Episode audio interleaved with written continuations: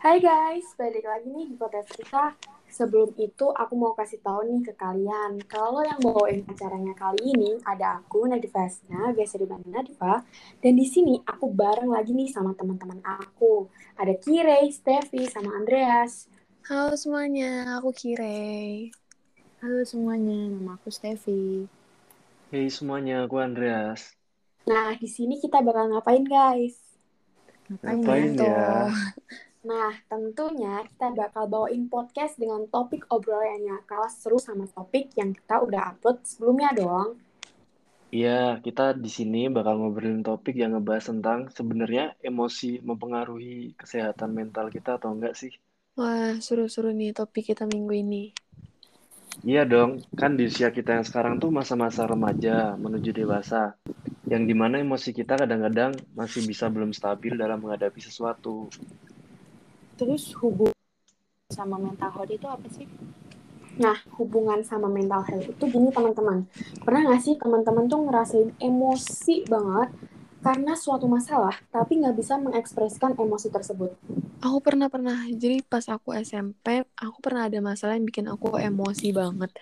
Tapi di situ aku bingung mau cerita ke siapa karena aku emang belum bisa ngekspresiin emosi aku gitu.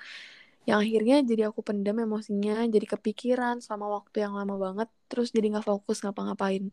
Pokoknya bener-bener bawa dampak negatif deh pas itu.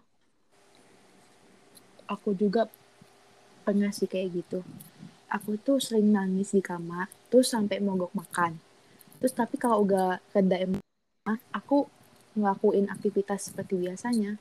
Nah, kan pasti pada pernah mendem perasaan emosi yang nggak bisa kita ungkapin gitu. Dan berujung kita pendem emosi itu ke diri kita sendiri. Itu tuh berdampak loh bagi kesehatan mental kita.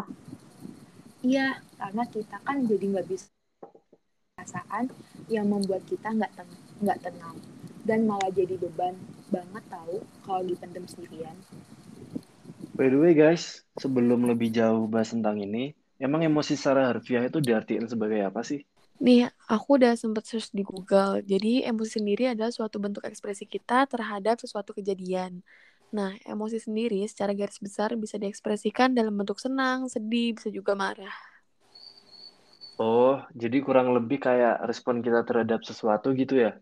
Ya, gitu deh kurang lebih. Makanya emosi itu harus dikeluarkan atau diekspresikan, tapi dalam bentuk yang benar ya.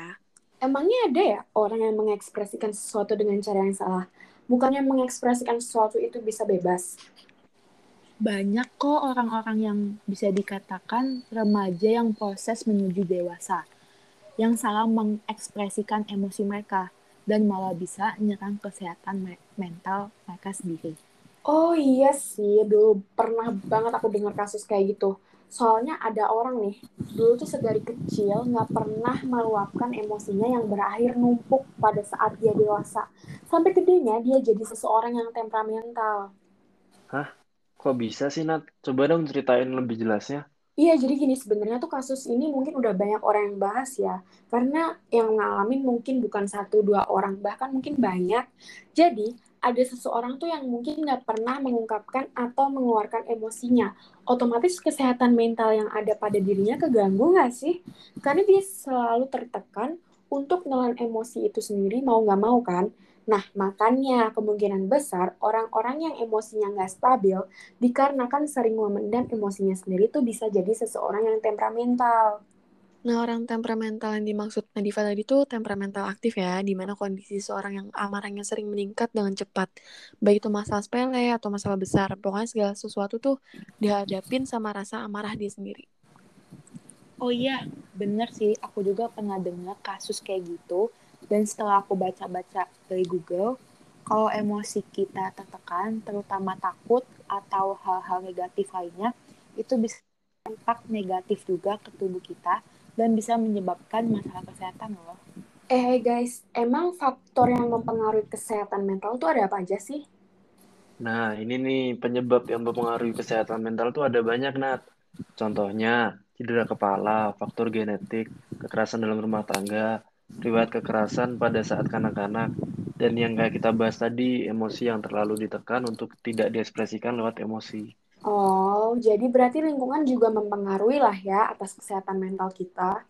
Iya, bener banget. Karena lingkungan kita juga kan yang membentuk karakter kita bakal menjadi seseorang yang seperti apa ke depannya.